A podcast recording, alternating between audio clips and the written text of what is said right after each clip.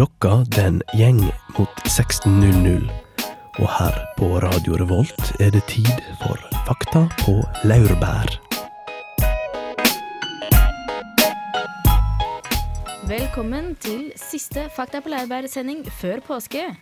Og dere gjettet riktig, denne sendingen skal handle om nettopp påske. Med meg i studio i dag har jeg Astrid Bratli. Hei. Hallo! Og vi har fått besøk av Egil Ytrehus. Hallo, hallo. Dette blir gøy. Ikke bare vestkantstemmer her i studio, men også en mannlig nordlending. Stemmer det. Jeg er ikke fra vestkanten, det må jeg bare Ikke jeg heller. Ja, ja, ja. Nå skal vi i denne, ja, i denne sendingen skal vi prate om påsketradisjoner, våre egne tradisjoner, de kristne tradisjonene, kommersialiseringen. Å, det skal være så mye. Og påskekrim, våre tradisjoner som vi har lagd på nytt. Absolutt. Aller først ut skal dere høre Your Headlights Are On med We Real Cool.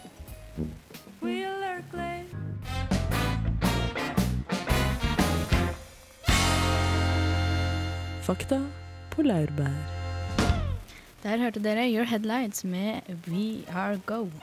We are, we are so cool. We are so cool We are so cool. Jeg bare so cool. hadde en liten eh, Perfekt beskrivelse av oss, egentlig. da.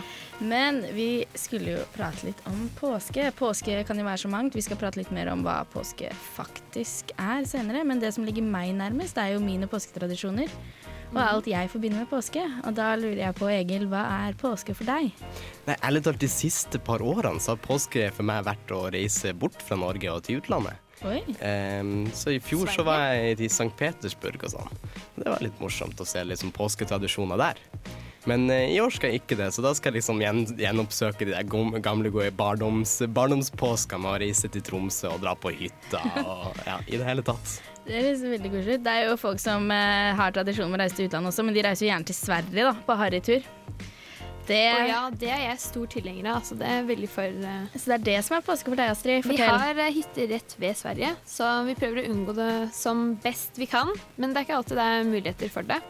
Men allikevel så Dere må bare slenge dere på. Vi bare må slenge oss på, vet du. Det blir sånn etter hvert. Billigere egg, da setter du av gårde. Neida. Nei eh, vi pleier vel å stå litt på ski. Nå er det jo ikke noe snø, så det Nei. ødelegger egentlig ganske mye for det skigåingsgreiene. Spise Kvikk Lunsj. Appelsin, sånne ting. Ja, det er mye sånne varemerker knyttet til påske. Kvikk Lunsj, appelsin. Jeg vet ikke om appelsin er et varemerke. Vi er jo ikke for Jaffa, som er det eneste varemerket for appelsin jeg vet om. Det liker vi jo ikke. Nei, upolitisk. Men eh, varemerker og sånne ting, det skal vi prate om senere. Da skal vi nemlig prate om kommersialiseringen av påske. Men jeg er litt mer opptatt av den gode, gamle påsken, da. Og for meg så er jo det påskelabyrinten. Sitte på hytta foran radioen og spise egg. Påskenøtter og sånne ting. Ja, og høre på Påskelabyrinten med han Viggo Valle på eh, NRK P1. Da er det påske For for en meg. Ja, det er herlig. Jeg hadde en quiz på, på videregående som jeg tenkte jeg skulle ha i litt sånn Påskelabyrinten-stil. Da og tenkte jeg hvordan gjøre dette mest autentisk. Jo, da skal jeg snakke nordlending gjennom hele quizen. Ja, Og, det ja, det var en slager. Den holdt jeg faktisk to ganger, selv om folk hadde holdt spørsmålene før. Så gøy var det. Fikk du medalje eller noen form for plankett? Nei, jeg Liksom? fikk ikke medalje, er du gæren. For det var jeg som var quizmaster. Det er jo det som er med Viggo Valle. Han er en eminent quizmaster. Han er stemmen av påske for meg. Han er stemmen av påske. Men også farger syns jeg er veldig sånn typisk med Det er nesten alltid gul, som du assosierer med sol, kanskje, eller et eller annet sånt der. Ja, det er jo Kylling. Sitte i påskesola Mm. og bli rød. Det gjelder i hvert fall for min del. Jeg blir knallrød i påsken. Det er første tegn. Og jeg får fregner. Det er også litt hyggelig. Ja, litt også, bare, egentlig. Bare litt. Men jeg har et eh, siste lite tips, og det er jo det at eh, første dagen etter påske så må alle ha på seg hvite klær. Det er jo for å vise fram den lille brunfargen du har født i så- første de Ja, den tradisjonen har da ikke jeg, i og med at jeg ikke har eh, pigment. Det ødelegger veldig, så Ja, jeg går sant. mer sånn eh, svart sørgedag-lignende isteden. Astrid pleier jo å si det, at hun er uh, Melkehvit. melkehvit. Ja. Bitte liten og melkehvit. inn. Men vi skal faktisk ha en liten påskelabyrint her i studio, som jeg ikke har prata nok om det. Den kommer etter Fi med Wall of Fear.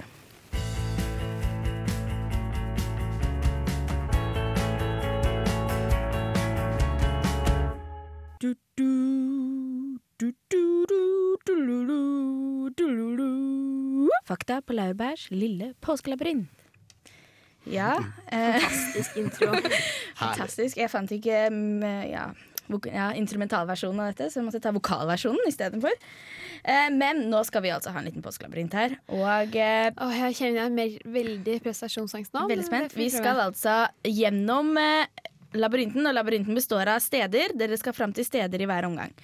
Og eh, en av dere må ut, og når dere svarer feil, så går nestemann inn, da. Dette ble forvirrende fordi jeg sa feil. Men første For, oppgave. for, for lytterne som ikke har hørt på Påskelabyrinten før, det er jo kanskje ikke så stor sannsynlighet at det finnes noen som ikke har gjort det, Nei, for det er jo 900 000 som lytter på Påskelabyrinten hver dag i påsken. Oi, såpass, ja. Men ja, en nærmere gjennomgang av reglene, var det det du etterspurte? Ja, litt for min egen del også, kanskje. For Ja. the retards. Here we go. Jeg kommer til å eh, presentere da oppgavene. Dere skal frem til et sted. På det nye stedet er det et nytt sett med oppgaver. Dere skal videre, videre, videre helt til den siste destinasjonen. Hver gang en person svarer feil, går oppgaven videre til den andre personen. Og jeg skulle jo egentlig hatt innringere, men det har vi altså ikke her i Radio Volt. Men nå starter vi. Her har jeg nemlig et postkort. Det har jeg fått av Pål Sverre Valheim. Dere skal få titte litt nærmere på det, men først så må jeg fortelle lytterne om motivet. Eh, vi ser en ung mann sole seg på en flåte laget av balsatre. I hånda har han en flaske med Farris. Bakpå står det at han er på vei over Atlanterhavet, og at han savner hjembyen sin. Egil, du er førstemann ut. Kom igjen. Noe Nei, altså, man skal jo over Atlanterhavet, Ja. så da må det jo nesten være på en av sidene av Atlanterhavet. Um, da, da Han er på en flåte laga etter han er sånn palme... bal, bal, Bambus... balsatre er det. Det er et Bal- viktig stykke her. Og han drikker jo også Farris. Kanskje Norge? Kanskje han reiser Da reiser han jo eventuelt fra Norge, så skal han Nei, fra. Jo, fordi altså han, han, Nei, ja, dere kan, begge to kan delta i diskusjonen. Ja, han, Ja, vi- hvis, hvis han har Farris, så betyr det jo at han, han, eh, han hadde Farris der han reiste fra.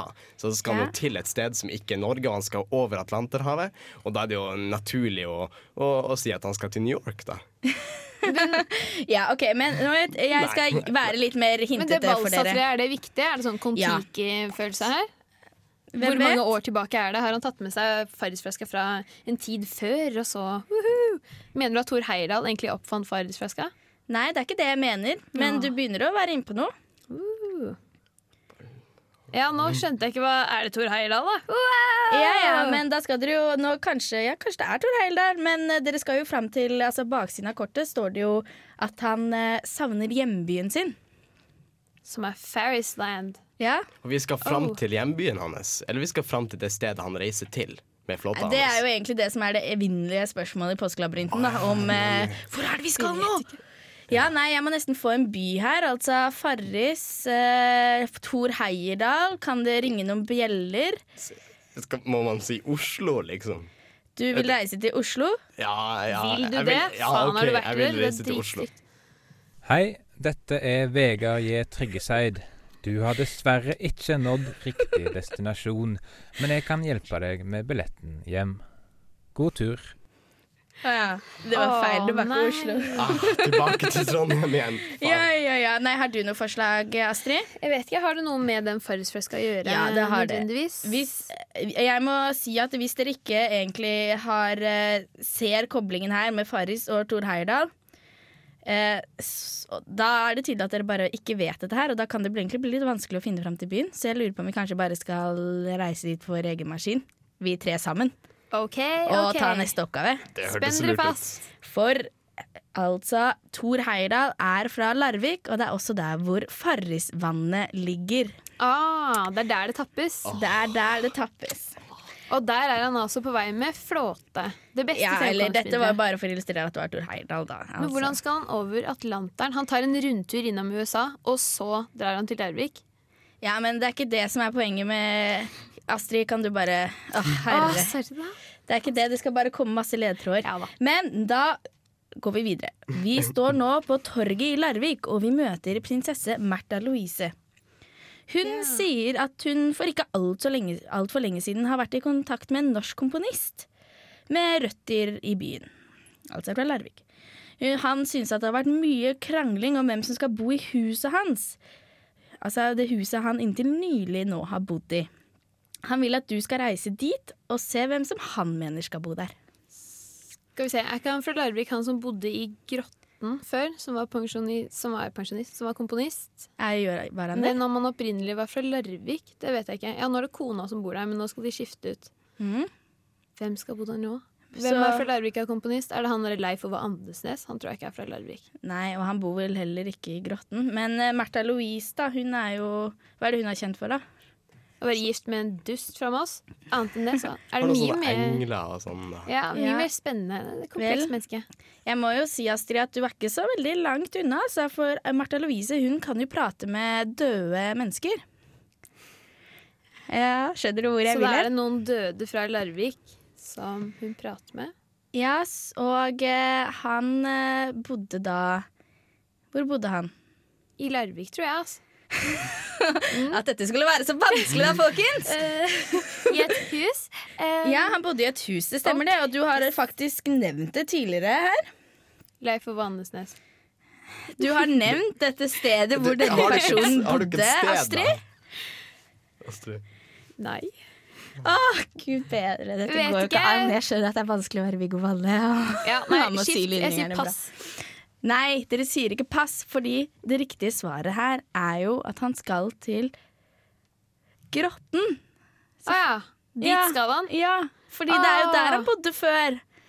Åh, Og nå yeah. skal dere gå og se hvem det Hvem Arne Norheim Jeg innbiller meg i hvert fall da At Ja, Arne Norheim ville skulle bo i Grotten etter han. Ja, Han skal jo byttes ut med en ny kunstner. Ja, han er jo ikke, det var ikke altså total udugelighet fra vår side i og med at Astrid faktisk var Ja, Ja, hun sa jo Grotten, og så etterpå bare Leif Ole Andvesnes? Øh, Larvik? Ja, men det er også komponist. Hvem er det du kan nevne som er komponist? Han er sånn Grieg, ikke fra Larvik. Bergen. Mm, ja. Det er veldig Komponisten var jo da Arne Norheim. Men, men ok, Ja. nå, er, nå er konkurranseinstinktet mitt tent. Ja, for nå, nå er dette den siste oppgaven, dere. Nå må jeg få et riktig svar, håper jeg. Denne her er litt vanskelig. Jeg trodde de andre skulle være Kan vi ta det som en samarbeidsoppgave, så det nesten vi kan Absolutt, klare å vi gjør nærme det. oss et svar? Oi, ja. Ok, Her finner du, når du kommer til grotten, finner du et manus på et dukkehjem av Ibsen. Sammen med altfor lite penger, to Oscar-nominasjoner og en fødselsattest fra Tokyo. Eh, Sofia Kapp... Nei, hun er jo egentlig fra Amerika. Vi finner altså et dukkehjem skrevet av Ibsen Ja, og altfor lite penger. ja, Vi finner altfor lite penger ja. til å dra et det er, det er altfor lite penger som ligger oppå manuset av et dukkehjem. OK. Én krone. Én krone ligger oppå der.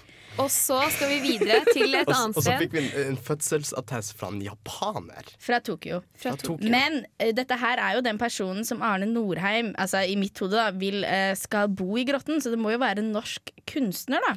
Ah, Yoko Ono! Den norske kjente kunstneren Yoko Ono! Hæ? Er Ok, ikke hun norsk? Jeg Er det noen jap norsk som ja. Kan de noe, egentlig, de, de som bor der? Jeg vet ikke. Aldri møtt noen asiater med talent. Okay, Det er altså en norsk kunstner som har et eller annet å gjøre, en, en eller annen forbindelse til Japan.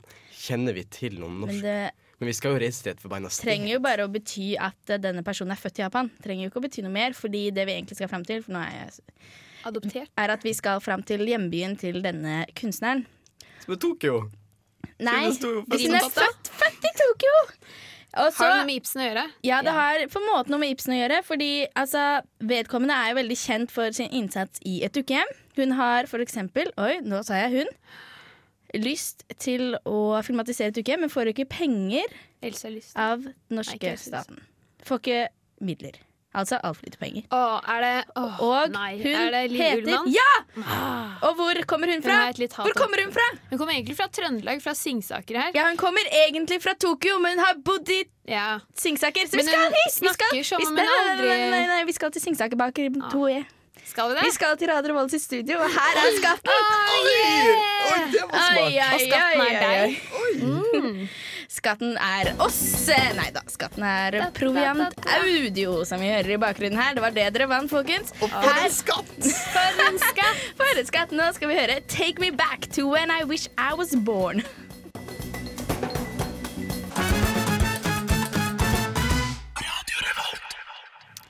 Ja, der uh, hørte vi Proviant Audio, som var premien i vår påskelabyrintkonkurranse. Ja! Ja, vi, de kom seg endelig fram til premien. Nå tenkte vi at vi skulle tilby litt fakta da, her i Fakta på Laurbær. Nemlig litt fakta om påske. For det er jo mange som egentlig går litt i surr med hva de forskjellige dagene betyr for noe. Det er jo en kristen høytid. Meg inkludert. Ja, Egil rekker opp hånda her. Ja. Så skal vi bare starte i kronologisk rekkefølge og ta dag for dag, eller? Det synes jeg er en utmerket Han blir født, altså jul, og så Eller bare Ja, rett nei, jeg på. Tenkte påskedagene, da vi kan hoppe over de 30 åra han Ja, dreiv og hora rundt. Nei, uff a meg. Ai, ai, ai. Men det starter vel med palmesøndag. Da kom eh, Jesus rinende inn i byen på et esel, og folk viftet med palmer for å ta han imot. Og la det ned på bakken så hestens føtter ikke skulle bli Mm. ødelagt. Mm. Hvordan hadde han vært hen? Nei, hvor han hadde vært, den vet jeg ikke, men han kom til Jerusalem. Jo, han hadde vært i ørkenen først for å være med de røverne sine, eller såkalt disiplene. Oh, ja. Og så kom han inn igjen. Ja, men det Og han ante ikke hva som venter han. Jeg tror han hadde på følelse litt sånn Kanskje Jesus litt på Christ. følelsen. Han hadde sikkert sett Jesus Christ Superstar før, og så bare mm. Men nå skal vi videre til neste dag, for neste dag som er en eh, merkedag, er jo skjærtorsdag. Og du nevnte jo disiplene, og nå er eh, dette her hans siste måltid med disiplene. Mm. Og eh, det er også opphavet til nattverden. Hvor han vasker føttene deres, syns jeg alltid er litt ekkelt. Og neste dag igjen, det er jo langfredag. Og det er jo den lengste dagen i året. Eh, ikke egentlig da, folkens. Det er 24 timer. Men Ja, det er sant. sånn eh, følelsesmessig og sånt. Fordi eh, dette er jo dagen hvor Jesus dør. Han ofrer seg på korset for våre egne synder. Eller Eh, han blir vel egentlig grilla av Pontus Pilatus. Han hadde han noe ja, valg? grillet av solen på ja. oppdrag fra Pontus Pilatus. Blir hengt på korset. Blir ikke Blir eh, forrådt av eh, ja, Judas. Utenom eh, Maria som gir han en svamp med mm, eddik. Hvorfor det?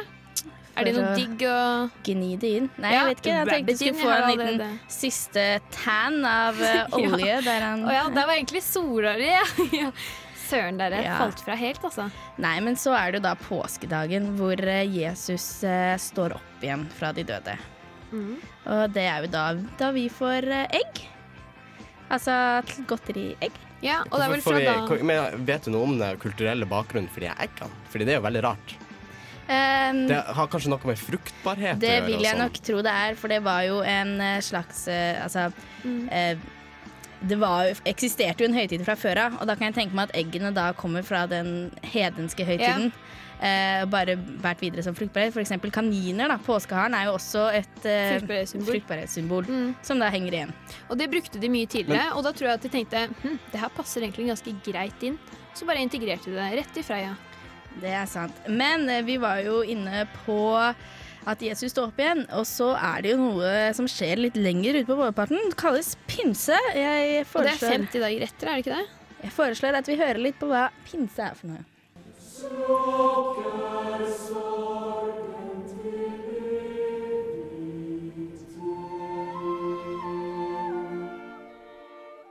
er best av påskeharen og Jesus? Påskeharen.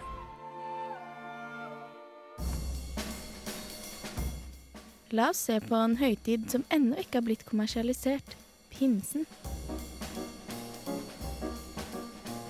Pinsen feires 49 dager etter at Jesus sto opp fra de døde på påskedagen. For å si det på en annen måte er det altså den 50. påskedag, og på en ny den syvende søndagen etter påskedagen. Den seneste datoen pinsen kan inntreffe, er 13. juni, og i år faller pinsen på 12. juni. Vi snakker den varmeste pinsen på lenge. Men nok om tidspunkt, mer om mening. Pinsen feires for å minnes at Den hellige ånd kom til apostlene. Dagen regnes også som kirkens fødselsdag. Dette høres ut som en kjempeanledning til å holde en fest. Hvorfor er det så lite oppstandelse rundt denne dagen? Man kunne ha servert åndskaker og gitt hverandre gudegaver. Denne ideen har handelsstanden til gode å plukke opp. Men det er noe som gis bort i pinsen. Kommersielle kanaler har ikke lov å sende reklame. De sender heller informative innslag for ideelle og allmennyttige organisasjoner.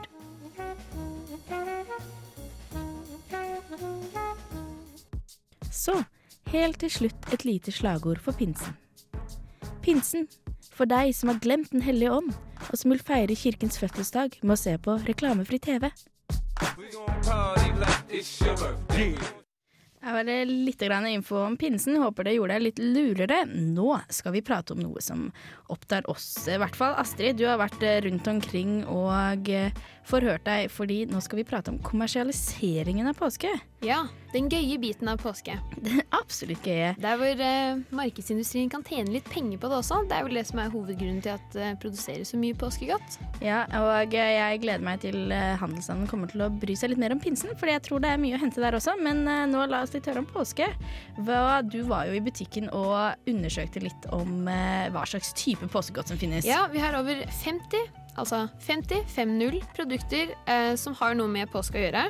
De aller fleste er fra godteriindustrien. Da er det Minde som har eh, påskeegg og påskemiks, og så er det Brynhild som har eh, påskeskum og også påskemiks, denne gangen med X istedenfor KS. Så er det Malaco, Freia har massevis forskjellig. Nidar, vår kjære landlig baserte Trondheimsfabrikk. De er også masse forskjellige, og det de finner ut Det de sa, er at det de selger mest av, er eh, påskeegg fra Freia, som selges opp til ni millioner påskeegg. Ni millioner påskeegg? millioner, ja, de, de, det er de fire er så jævla kartongene. god, liksom. Det vil si at Det er eh, derfor de selges, hver, tror jeg. altså. hver person i Norge spiser åtte sånne der påskeegg i løpet av påsken. Ja.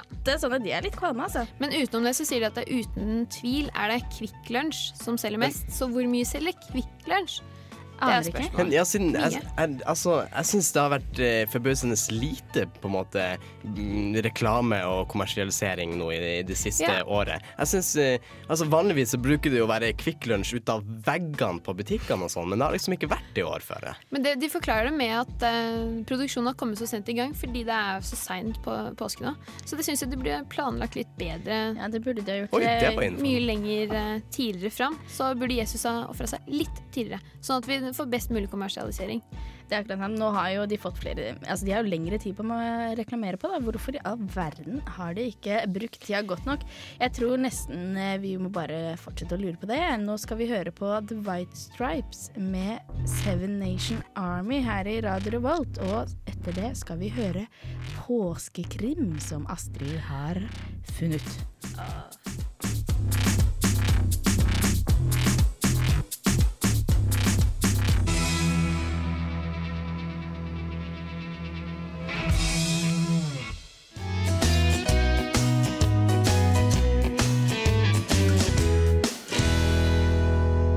Fakta på laurbær. Påske er for mange assosiert med krim, spenning og mordmysterier løst av metarever som Poirot og Mr. Holmes. Mange lik skal legitimeres, og mord skal oppklares. Fakta på laurbær vil i den anledning, fremfor å presentere en fiktiv historie med imaginære lik og skjønnelser, heller få presentere en ytterst rystende sak fra virkeligheten, som med sin bestialskhet preget nyhetsbildet i 1990-årene og rystet en hel nasjon. Dette er historien om vår tids Jack the Ripper. Nærmere bestemt Jack og Jacqueline Ripper, beboerne i det som senere skulle bli kalt Englands House of Horror. Saken blir henlagt da ingen spor er etter henne å finne.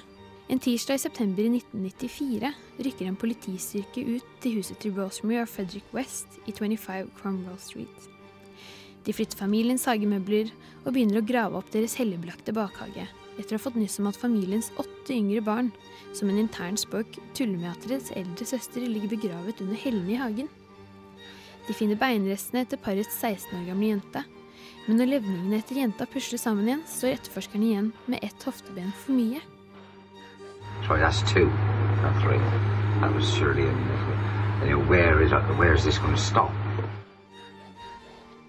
Faren i familien, Fred West, innkalles i avhør, og med et kokett smil mellom misfargede tenner innrømmer han å ha misbrukt og begravd flere lik under baderommet nede i kjelleren. Fred kan derimot ikke identifisere noen av dem, men mener å huske to av jentene ut fra assosiasjoner som Tulip, ettersom han antok at hun ene var fra Nederland, og den andre jenta som Scarhand, ettersom han mente å huske at hun hadde et arr på hånda. To jenter identifiseres, en som Shirley, Freds 18 år gamle høygravide elsker, og en 21 år gammel sveitsisk haiker. Et av ofrene hadde fremdeles bondageutstyr festet rundt hodet. En tredje jente kan derimot ikke identifiseres. Politiet begynner å lete i gamle rapporter om savnede personer. og to jenter som begge hadde forsvunnet med fem års mellomrom for bussholdeplasser ikke langt fra Cornwall Street, matchet levningene. Var det mulig at jentene lå begravet under Fred og Marys hus? Fred innkalles til nytt avhør og innrømmer drap på ytterligere seks jenter. Alle unge jenter som han har kidnappet eller plukket opp fra bussholdeplasser i nærområdet. Tatt med hjem og misbrukt og torturert frem til døden inntraff. Politiet graver frem lik etter lik. To 15-årige jenter, en 17-åring, en 18-åring, en 19-åring og to 21-åringer. You know I'm here? I looked straight across and I. The, the, thing- the I think she's in a plastic bag, I think. You, you could actually see it in the corner. So there's a big hollow in behind this, behind it. If you look underneath the step, you can see straight underneath. There's a big hole.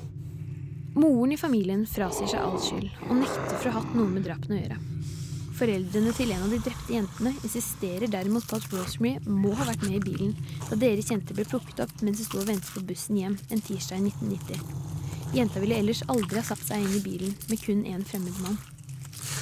Fred fengsles mens Rose løslates og er hjemme med barna. Etter hvert kommer det frem at familien før besto av enda et medlem, utenom den allerede drepte 16-åringen. Mens Fred satt i fengsel for et tidligere overgrep utført av han og Rose mot deres barnepike, har Rose drept Freds førstefødte datter på åtte år og begravet henne under kjøkkenbenken i parets første hus. Rose fengsles også, og mens hun sitter inne, blir en sak om en forsvunnet kvinne 20 år tilbake linket til hennes tidligere mann, Roses ektemann Fred. Fred innrømmer å ha tatt livet av ytterligere en kvinne. Han tar kriminaletterforskere med seg til et øde jorde utenfor sin hjemby i Gloucester. Her har han begravet sin første kone, gravid med deres andre barn i åttende måned. Freds kone har sist blitt sett 20 år tidligere og ble antatt omkommet. Mens ekskonas levninger blir gravd frem, innrømmer Fred å ha begravd et nytt lik noen kilometer lenger borte. Og under et senere avhør innrømmer han å ha drept ytterligere 20 personer, og vil i fremtiden gi politiet ett nytt lik i året. Hemmeligheten tar han derimot med seg i graven, da Fred, etter å ha fått nyss om at kona Rose er fengslet, henger seg på cella. Rettssaken mot kona bærer preg av mye dramatikk, da Freds eldste datter står frem og forteller om notorisk seksuell misbruk fra hun var åtte år, med støtte fra alle parets barn som rapporterer om samme hendelser. I looked around everywhere trying to find a knife or something. I mean, I looked at the axe. I had, I had a chop axe chopped. I, mean, I could, there's no way I could touch it, to touch her with it. Not that case or with anything like that. I just couldn't. I just couldn't do it. So I went. I, I looked up and I see this knife sticking out. It got like two prongs on the end, two sharp points comes out on the end of it, and then it got big serrated edges all along it. You saw blocks of ice with. And I got that, and, and I tried it with the big ones first, and and it, it was terrible. man. It was I, I'm sweating. I'm, I'm just about everything's going on this time. So I finally managed to do do it to take her head off, and then her legs. That was Huset hadde fungert som bordell, hvor Rose hadde prostituert seg, Fred hadde utført aborter på kvinner, og hvor offer etter offer og parets barn hadde blitt torturert med instrumenter som kniver, reimer, pisk og kvelning over flere dager, før det gikk for langt og offeret ble til lik. En etter en hadde ofrene blitt partert og begravet i kjelleren i Cromwell Street, som etter denne episoden omtales som House of Horrors. Så tenk på dette neste gang du venter på bussen og blir invitert på grilling i noens hage. Et par timer etter siste biff er fortært, kan du selv ligge på grillen eller begravet under den. My baby. Yes, I'm gonna murder my baby. Ja, dette var fryktelig krim fra virkeligheten. Heldigvis så er den filmatiserte versjonen av dette mye hyggeligere. Der er det som regel bare et par døde lik, og vi har helter sånn som foil. Eller hva, Egil? Ja, altså, Foils War syns jeg ja, det, det framstår som et uh, vanvittig motstykke til den fæle historien her. Altså, det er ja, en fantastisk uh, påskekrim, det. altså. Men det er nesten Det er sånn det. romantisering av drap. Vi sitter og bare Oi, liksom. Ja, og det hele kombinert med krigen i England. Jeg, altså, at de klarer alt som har med krig å gjøre. Altså Den perioden der får meg bare til å Kulisser som er Jeg helt ville ja. se alt mulig mer. Og eh, nei, i det hele tatt, det er en litt av en serie. Michael Kitchen, All Honor to You. Det er da han som spiller Ford. Ja, Han må stå på kasse fordi han er så liten under noen av innstillingene. det, Det er sant. det ryktes. Riktig. Ja, ja. Men eh, er det noen andre godbiter, da? Vi har jo mye norsk krim nå for tiden, og svensk krim, ikke Og Agatha minst. Christie, også bra. Ikke så veldig norsk, men likevel. Jeg vil likevel. Jeg føler at eh, den har på en måte den progresjonen i Agatha, Krim, nei, Agatha Christie er eh, så enkel at eh, Man skjønner hva det er. man skjønner det jo med en gang. Det er jo også, altså. ikke, det er altså det er ikke han som har bestilt detektiven, det er ikke detektiven, men det er den personen som er Som etter det.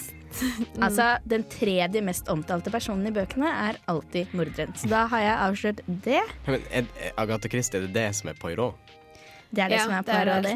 Så følg med på påskekrim i sommer, folkens. Jeg håper jeg Sommer? ikke I sommer, ja. I påsken. Selvfølgelig. Her skal dere få høre Hightech Feet Q-tip med Keep It Moving her på Radio Revolt, før vi kommer tilbake med Fleip eller fakta. act like bitches. Got to go that way. Cause you ain't trying.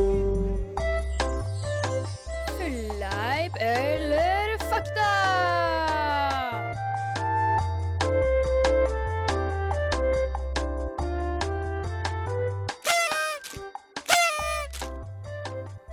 Ja, da er det partystemning. Da begynner vi rett på. Hvem er det som er klare? Jeg! Ja! Jeg er Er det sant, er det fleip eller er det fakta at sjokolade er eh, verdens mest populære godteri? Det er absolutt helt 100% sant. Jeg tror ikke det er sant. Hva tror du er det mest eh, godteri? Skumgummi. Litt sånn, sånn, jeg vet ikke, sånn det, mint og kake ja, men det jeg sånn. tenker er at all annen godteri er så differensiert at du kan ikke på en måte putte det under én Is. greie. Is. Is er ikke godteri. Det er dessert. Ah, ja. Tenker jeg, da. Men okay, hva er det du sier, Astrid?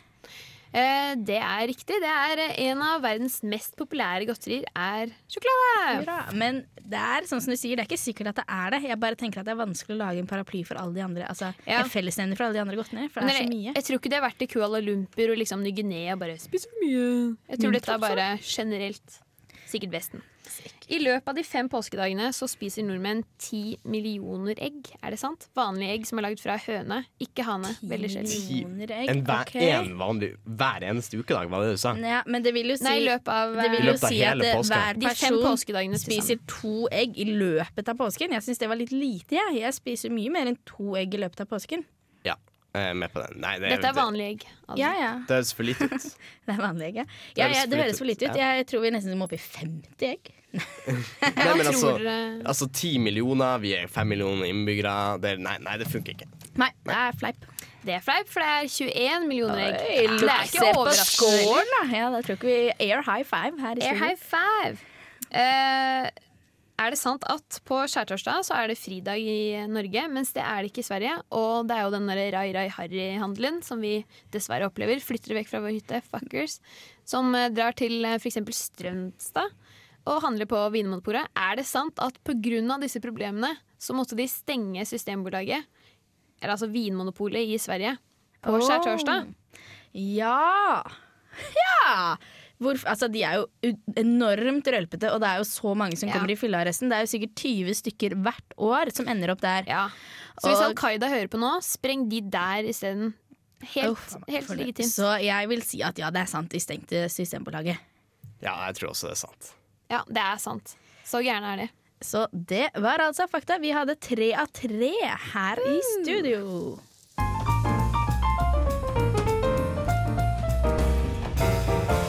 Fakta på laurbær.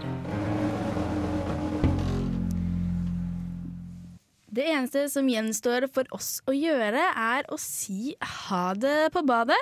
Nå er det påskeferie. Yes. Eh, med meg i studio i dag så har jeg hatt Astrid Bratli. Lite påskemotto til deg. Ja, Astrid Egg Bratli. Eh, og Egil. Takk for en fantastisk eh, sending og fantastisk god stemning. Og for en quiz! Eller nei, påskelabyrint, mener jeg. ja, Det ja, var- ja. det var helt ok. For å styre teknikk i dag har vi hatt med oss Arne By. Tusen takk til deg! Vi sier god påske. Jeg er Ragnhild Matheva Øregård Skaugen, og her kommer Sirius Mo med High Together på Radio Volt. Etter oss kommer På tirsdag. Stay tuned. God påske!